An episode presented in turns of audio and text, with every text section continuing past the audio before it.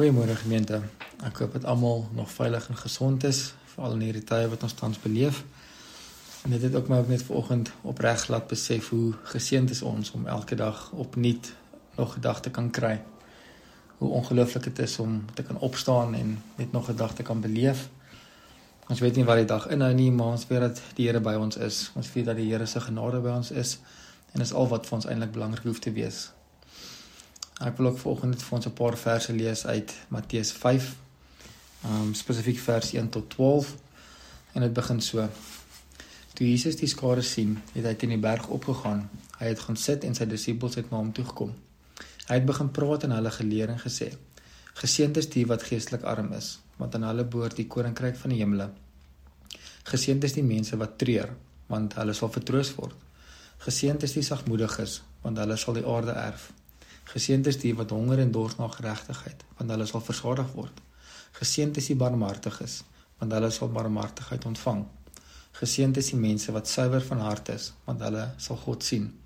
Geseënd is die vredemakers, want hulle sal kinders van God genoem word. Geseënd is die mense wat vervolg word ter wille van geregtigheid, want aan hulle behoort die koninkryk van die hemele. Geseënd is julle wanneer die mense julle om my wil beledig en vervolg en vals beskuldig van alles wat sleg is. Wees bly en juig omdat julle beloning groot in die hemel is. Ek dink ons almal sal saamstem as ons as ek volgens sê dat die lewe is moeilik. Um, ek dink ons was min van ons wat eintlik daarmee nie sal saamstem nie en as ons so terugkyk na die gebeure van die afgelope jaar in ons almal se persoonlike lewens wat die afgelope jaar gebeur het is dit verseker moeilike tye wat ons wat ons tans ervaar.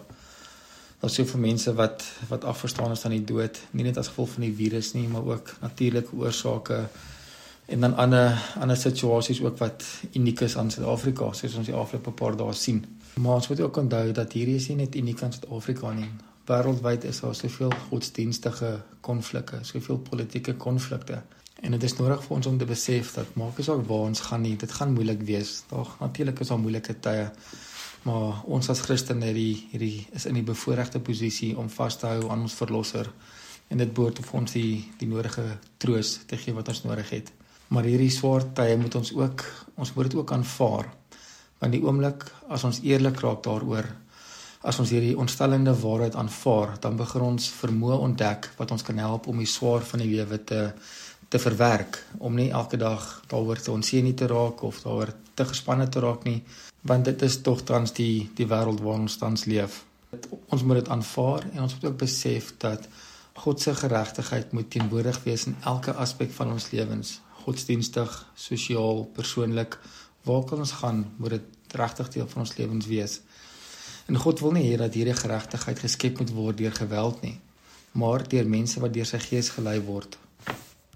Dit is ook tog hoe God sy koninkryk vestig, nie deur die misbruik van mag nie, nie deur die vernietiging en geweld nie, maar deur die sagte oog, die vaste en troostende arms waarmee waarmee hy ons omvou en deur die hand van sy geregtigheid.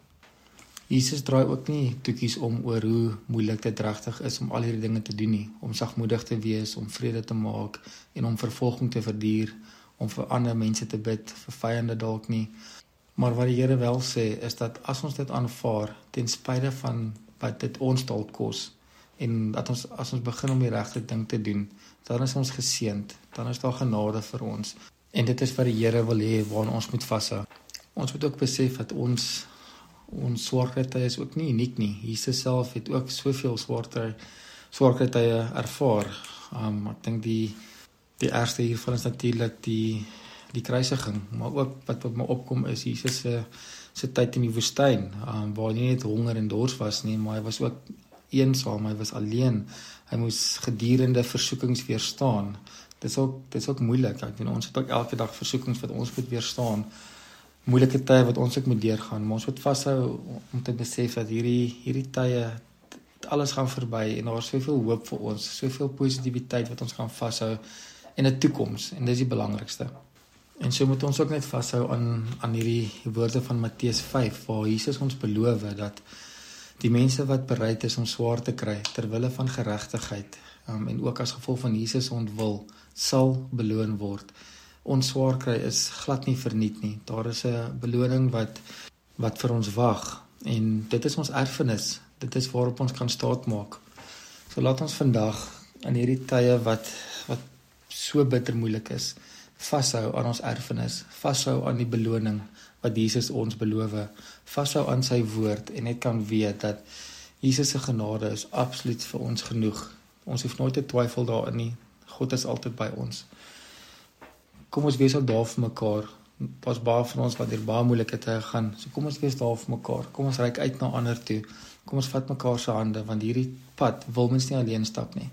En ook hoe lekker gaan dit eendag wees as ons almal saam hierdie beloning kan ervaar wat Jesus vir ons beloof as ons volhard, as ons sy woord volg en as ons net bly lewe volgens sy woord. Kom ons almal bid saam. Ons almagtige, ons hemelse Vader, ons dankie dat u genade vir ons genoeg is. Ons dankie dat ons hierdie dag weer kan kan ervaar en beleef, Here Jesus. Wil U ook met ons wees deur hierdie dag. Hou ons veilig, hou ons gesond, dat waar ons mag gaan dat ons kan weet dat u genade by ons is, Here. Ja, ons besef dat die die lewe is moeilik, Here. Ons aanvaar dit, maar ons aanvaar ook dat U is ons verlossing, U is ons skepper en U genade is daar vir ons, Here Jesus. Help ons daaraan sal vashou en dat ons dit ook elke dag sal glo en nooit sal twyfel daarin, Here. Ons bly bid vir hierdie land van ons, Here, die tye wat ons tans ervaar, die geweld, die protesaksies, Here. Ons bid en ons vra dat daar vrede in mense se harte sal kom, Here. Ons weet U is die enigste een wat kan help met hierdie situasie, Here. Ons vertrou op U, Here. Ons bly bid tot U en ons vra net dat U ons sal sal omvou met U genade. Seën hierdie land, Here Jesus. Ons ons gee nie hoop op nie, Here. Ons vertrou op U plan, op U doel vir ons, Here. En ek wil regtig vra dat ons elke dag kan leef met hierdie wete dat U beloning, Here, wag vir ons op die regte tyd, Here. Wees met ons as gemeente, help dat ons uitreik na mekaar toe en dat ons na mekaar sal omsien veral in hierdie tye, Here. Ons dankie vir vir die geleentheid wat ons het om te kan leef, Here. Ons dankie vir U genade, vir U liefde en vir U barmhartigheid, Here Jesus. Wees met ons en help dat elkeen wat hierdie boodskap luister, 'n geseënde dag sal hê in Jesus naam alleenlik. Ek bid dit in Jesus naam. Amen.